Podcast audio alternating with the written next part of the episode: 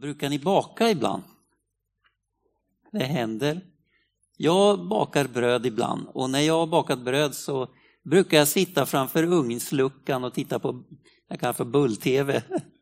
Man ser limpan växa där inne och bli brunare och härligare och så, och så den här doften ni vet, och när man tar ut brödet ur ugnen och så, det är ju väldigt frestande att börja skära i den direkt, eller hur? Och dra på smör som smälter på det här brödet. Eh, bröd, det är någonting fantastiskt och någonting väldigt gott. Jag tror det är många som håller med mig. Eh, bröd var också någonting väldigt grundläggande i, eh, på Bibelns tid. Det var ju så att bröd var en, en basföda som man hade. Eh, ja, kanske ungefär som vi äter potatis eller eh, ris eller pasta ungefär lika ofta. Man åt bröd som basmat. Eh, det är inte så att man alltid hade kött att tillgå och sådär utan men det var bröd och man kanske doppade den i någon eh, vinäger och lite andra eh, såser och grejer som fanns på den tiden. Och, så det åt man väldigt ofta. Och i Johannes kapitel 6 som vi är inne i nu så har vi Jesus som gör ett jättemirakel som involverar bröd. Och det är ju den kända berättelsen med fem bröd och två fiskar som blir till mat för 5000 män med sina familjer. Jag antar att familjerna var där också. Och Det står så här i Johannes kapitel 6 och vers 5. Vi läser därifrån. När Jesus lyfte blicken och såg att det kom mycket folk till honom sa han till Filippos.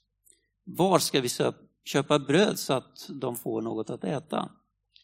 Det sa han för att pröva honom. Själv visste han vad han skulle göra.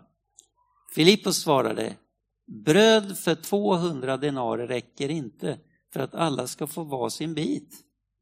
En annan av hans lärjungar, Andreas, bror till Simon Petrus, sa till honom, här är en pojke som har fem kornbröd och två fiskar. Men vad räcker det till så många? Jesus sa, låt folket slå sig ner. Det var gott om gräs på platsen och de slog sig ner. Det var omkring 5000 män. Jesus tog bröden, tackade Gud och delade ut till dem som var där, likaså fiskarna, så mycket de ville ha. När de var mätta sa han till sina lärjungar, samla ihop bitarna som blev över så att inget går förlorat. De samlade ihop dem och fyllde tolv korgar med bitarna som blev över efter de fem kornbröden när de ätit. Jesus han har undervisat folket ett tag här nu i, på det här stället och det är mycket folk som är samlade. Och då börjar det kurra i magen hos de flesta och kanske Petrus särskilt. Jag vet inte. Men det kurrar i magen på dem. Och, och då säger Jesus till Filippos, var ska vi få bröd? Och han prövar ju Filippos, här står det i texten. Det är som att han önskar att Filippos skulle säga, men Jesus du är ju här. Du kan fixa det. Han har ju tidigare i Johannes evangeliet gjort ett annat tecken. Där han har nämligen förvandlat vatten till vin. Och det var ju, det var ju mycket vin som han gjorde. Det var ett stort mirakel. Så visst kunde Filippos ha förväntat sig att Jesus, du kan väl göra likadant här? Göra ett under och förvandla någonting till bröd. Men Filippos, han börjar räkna pengar. Han tänker så här, 200 dinarer, det räcker inte om vi ska gå och köpa bröd. Det, det räcker inte. Och det är ganska så vanligt. Så gör vi ofta när vi möter problem eller när vi möter någonting som är lite utmanande i livet. Ja, då börjar vi att räkna på våra egna resurser, vad vi har, vad vi kan och vad vi förmår. Hur mycket pengar har vi egentligen? Kan vi genomföra det här? Och så är det som att vi lite missar Jesus mitt i allt detta. 200 denarer är mycket pengar. 200 dagslöner på den tiden. Och Det är mycket pengar men det räcker inte till. Och så är det ju ofta med oss också. Vi kan ha mycket resurser men vi har inte tillräckligt. Filippos verkar inte ha förstått vad Jesus kunde göra här.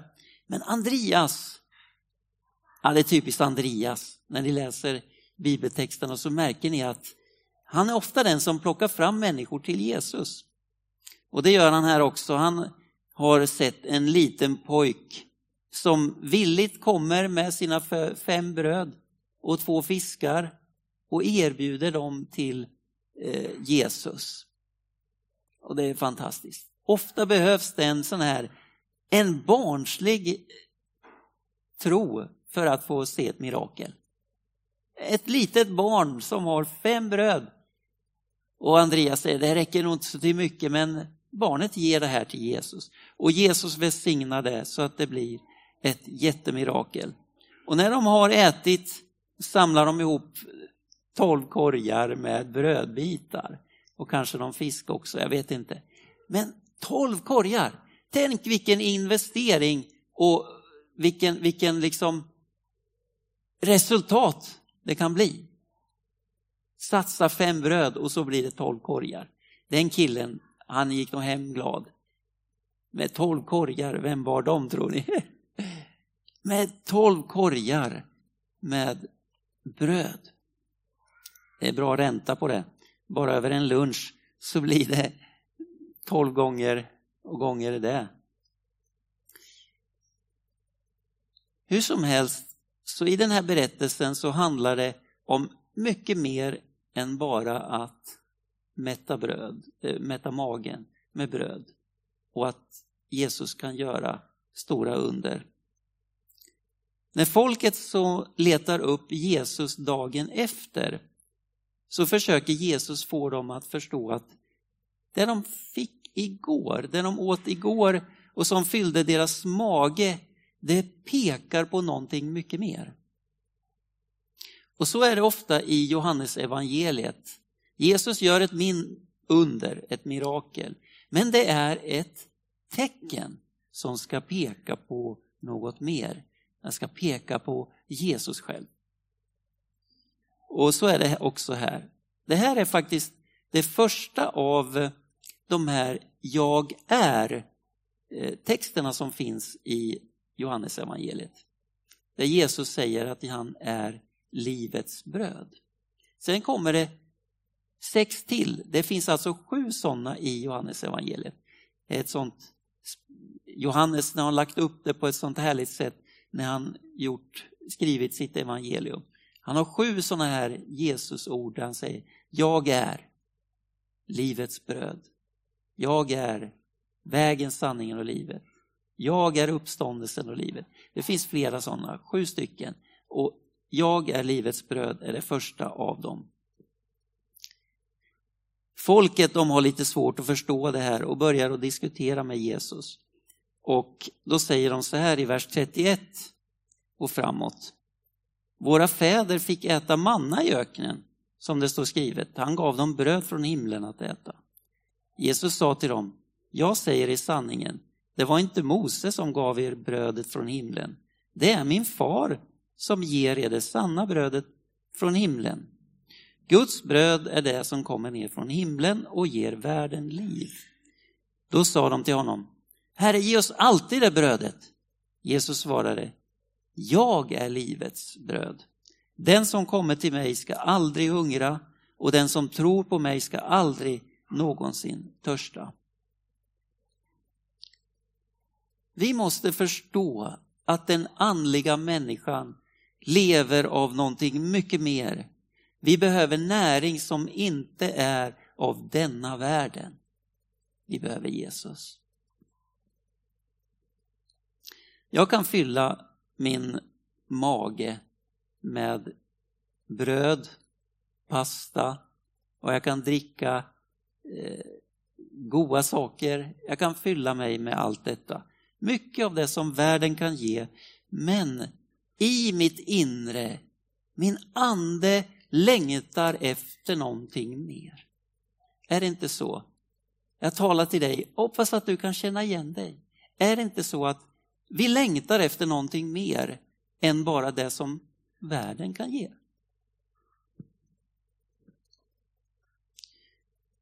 Även Jesus blir ju hungrig faktiskt, rent fysiskt. Det står det att han blev hungrig. I Matteus 4 och 1 läser vi. Sedan fördes Jesus av anden ut i öknen för att frestas av djävulen. När han hade fastat i 40 dagar och 40 nätter blev han till slut hungrig. Då kom frestaren fram och sa till honom Om du är Guds son så befall att de här stenarna blir bröd. Jesus svarade Det står skrivet Människan lever inte bara av bröd utan av varje ord som utgår från Guds mun. Jesus hade ju förmågan att kunna förvandla sten till bröd. Det var inget problem för honom. Det hade han kunnat göra väldigt, väldigt enkelt. Men han vill visa att vi människor lever inte bara av brödet. Vi behöver Guds ord. Guds ord är levande. I den här fortsatta diskussionen med folket ifrån vers 47 så säger Jesus till folket Den som tror har evigt liv. Jag är livets bröd. Era fäder åt mannat i öknen och de dog.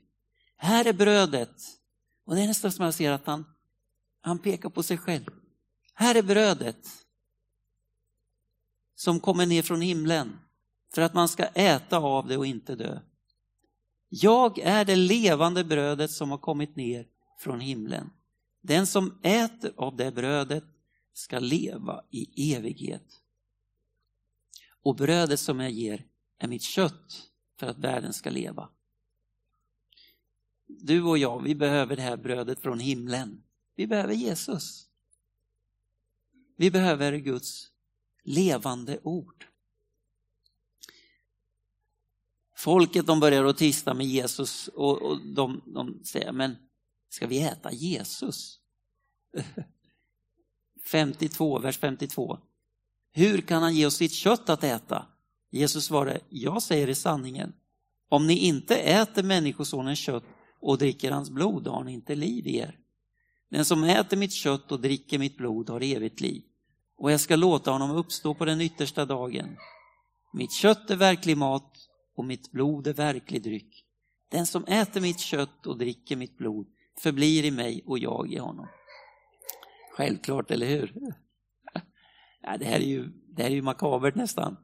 Och de som hörde det, de tyckte, oh, vad är det han pratar om? Ska vi äta hans kött och blod? Nu när vi firar nattvard idag så är ju det för oss, det är ju för, för oss väldigt självklart, eller hur? Vi får ta emot Jesus i brödet och vinet. Men det finns ju också en andlig, ett andligt djup i det här, det Jesus säger. Vi måste verkligen få ta emot Jesus. Han måste få verkligen bli ett med oss. Vi måste verkligen få låta honom komma in i våra liv på fullt allvar. Och det är där Jesus försöker att få dem att förstå. Han är brödet som har kommit ner från himlen. Han är själva ordet som har blivit kött. Det är så Johannes evangeliet faktiskt inleds med att ordet blev kött, tog sin boning ibland oss. Efter att Jesus har sagt det här så drar sig många av hans lärjungar undan och eh, slutar följa honom. De tycker att det här är alldeles för mycket begärt. De tolv blir ändå kvar och Jesus säger till de tolv, inte tänker väl också ni gå? Simon Petrus svarar honom, Herre, till vem skulle vi gå? Du har det eviga livets ord och vi tror och förstår att du är Guds helige. Petrus han har förstått att det inte handlar om vanligt bröd att mätta magen med, utan att det handlar om Guds levande ord. Det handlar om livets ord som är Jesus själv. Guds ord, skulle jag nästan kunna säga Bibeln, är som brödet. Och oh, vad vi behöver detta bröd idag. Bibelns ord. Vi behöver verkligen ta till oss det. För att inte svälta andligt. Och ibland är det så att vi betraktar det här med bibelordet och ätandet av, av Guds ord som någonting eh, lite sällsynt eller lyxigt där vi gör det liksom väldigt, det kan bli så ibland att vi läser det lite då och då bara. Lite grann som när, när vi pastorer brukar åka runt och fira studenter. Det gör vi ibland, eller hur William? Vi åker runt när studenterna har tagit det. Då är det fest. Då åker man hem till folk. Och vi brukar ju ha en del studenter i kyrkan så det kanske är ibland tre, fyra stycken man ska hälsa på. Och då brukar man ju bli bjuden på mat, eller hur? Bernt, du vet, du har varit med också. Man går runt och så äter man, äter man på varje ställe, eller hur? Och man är ju jättemätt, man är proppmätt. Men tänk om vi skulle tänka så om Bibeln också. Att vi har liksom, det är fest, vi firar något, nu läser vi liksom. Vi proppar oss fullmätta med Bibeln en gång per år. Typ när man går på Nyhemsveckan. Eller ungdomarna går på Unite. Då är man proppmätt av bibelord och Guds ord och budskapet och om Jesus och allt det här. Och så åker man hem och så äter man ingenting på ett helt år till. Vilket svält! Eller så ofta som, eller som vi gör ofta, vi, vi äter en gång i veckan på söndagarna när vi går på gudstjänst. Då äter man ju bibelord, eller hur? Det predikas och det läses och, och vi får det i sånger. Vi får den dagliga, nej, den veckovisa dosen av bröd. Ja, men man kan ju inte gå en hel vecka och svälta, eller hur? Predikan är ju också kan man säga, det är lite grann som barnmat tycker jag. Eh, för det är ju lite grann som att man processar bibelordet, kör det i mixen och gör det till puré och som man sen serverar gudstjänstbesökarna. Eller hur? Nej, vi behöver den här fasta födan som Bibeln också talar om. I Matteus 6 och 11 så säger Jesus i den här, när han lär oss bönen Fader vår, ge oss idag vårt dagliga bröd dagliga bröd. Inte veckobröd, utan dagliga bröd. Ni vet att Bibeln har en positiv inverkan på våra liv. Det är bevisat. Jag tror att Bibeln är medicin både till ande, till själ och till kropp. Vi mår väl av att läsa Bibeln och lyssna till Bibeln. Det finns en undersökning som gjorts i USA eh, som gjordes eh, för ett tag sedan och den finns att ladda ner på nätet om just bibelläsningens påverkan. Jag tror det var Barnainstitutet som gjorde den, eh, kristet.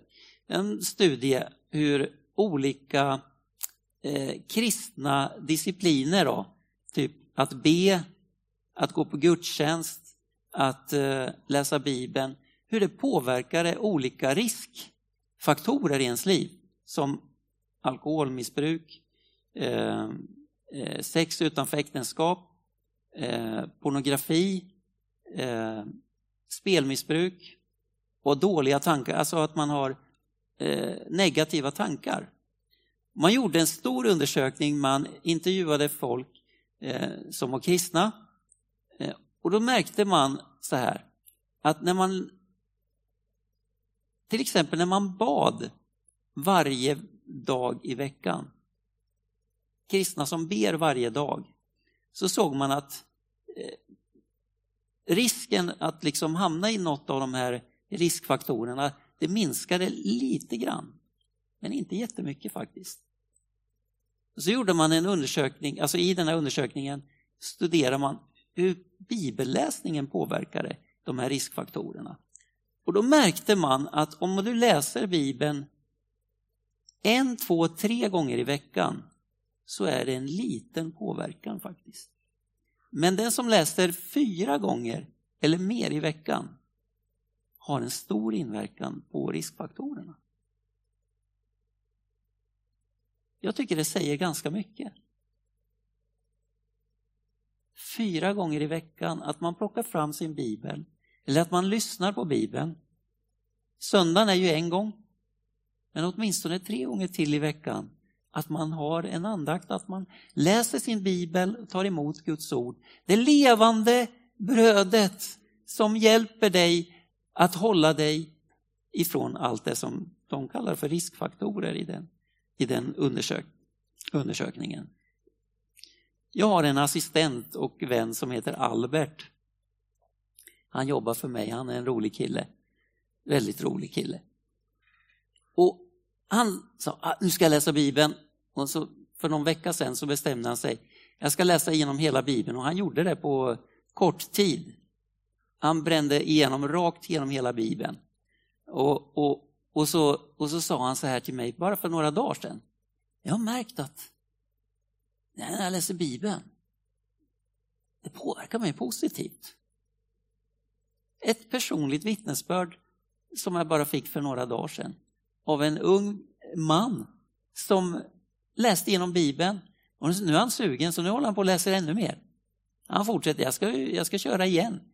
Och så rullar det på, nu ska han läsa Jakobs brev och hålla på att studera det jättemycket.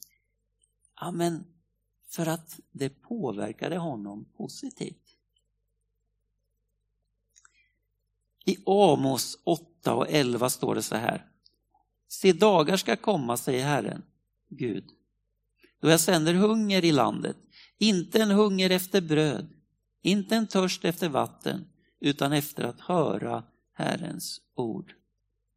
En gång jag längtar efter de här, det här, att det ska få bli en hunger. Inte efter bröd, inte det som fyller vår mage bara, utan efter Herrens ord. Att få höra Herrens ord. Jag menar, vi har ju biblar hur mycket som helst. Det är inte brist på biblar. Men att få höra det och ta emot det. I Bibeln står det ofta just höra. Och det kanske har att göra med att det fanns inte så många skrivna biblar på den tiden. Skriftrullar fanns ju i synagogor och tempel och sådär. Där man kunde liksom gå och höra Guds ord. Och Jesus säger också, den som har öron må höra. Guds ord ska höras. Det är att, det ska tas till, ta, att vi ska ta till oss det. Och på lärjungarnas tid så var det ju då Bibeln, alltså Nya Testamentet, skrevs ju på den tiden.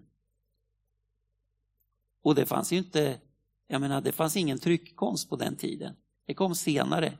Och när man kunde börja trycka, ja då tryckte man ju biblar och spred över hela världen. Och idag har vi biblar så mycket så att nu kan vi både läsa och höra, lyssna. I vår bibelapp kan man slå upp och så kan man bara lyssna igenom bibeln.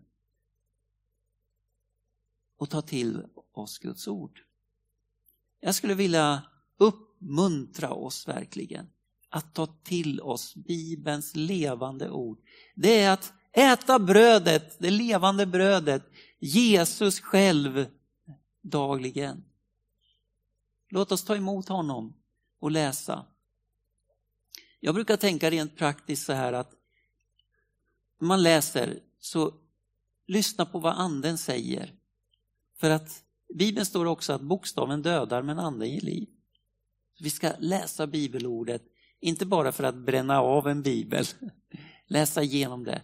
Även om det faktiskt, jag tror, påverkar oss positivt, även om vi bara läser. Men lyssna på vad den heliga ande vill säga till dig när du läser.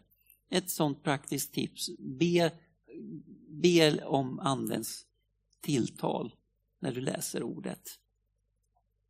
Och också att eh, bestäm dig för att ha en tid under dagen när du läser. För mig är frukosten den bästa tiden på morgonen när jag dricker mitt te. Ni som dricker kaffe, varför inte ha en bibel uppslagen vid bordet, frukostbordet och bara eh, ät lite frukostbröd från det levande brödet. För någon annan kanske det passar att läsa på kvällen eller eftermiddagen eller ta en stund där du läser och fyller dig med Guds ord. Och jag skulle också rekommendera att läsa hela Bibeln. Alltså inte så att du måste bränna igenom hela Bibeln på en gång, utan att plocka texter ifrån Gamla Testamentet, läs dem, studera dem och dela dem med andra och fundera på vad kan det här betyda. Vi har ju våra bibelsamtal som vi har på onsdagarna. Var med på dem om du kan och möjlighet. Och vi läser ett kapitel och så ber vi och, och pratar om det det är fantastiskt. Och vi har så jättefina samtal varenda onsdag. Tänk inte heller på att du måste läsa mycket på en gång. Börja med det lilla, om det är det som behövs. Och läs det, men gör det uthålligt, gör det dagligen så att du får det här dagliga brödet som mättar din andliga inre människa. Vi behöver Jesus varje dag. Varje dag. Ska vi be tillsammans. Herre Jesus, tack att vi får ta emot levande ord ifrån dig. Tack att du vill uppmuntra oss idag, Herre. Och jag ber att, jag ber att idag, Herre, så ska vi få uppleva en längtan, en hunger efter ditt ord och att få höra ditt ord. För att vi vet, Jesus, att du gör gott och väl med oss, Herre. Det är du som är frälsaren. Herre, det är dig vi vill ta del av, Herre. Jesus, fyll våra liv med ditt eget ord, med ditt liv, Jesus, idag. Amen.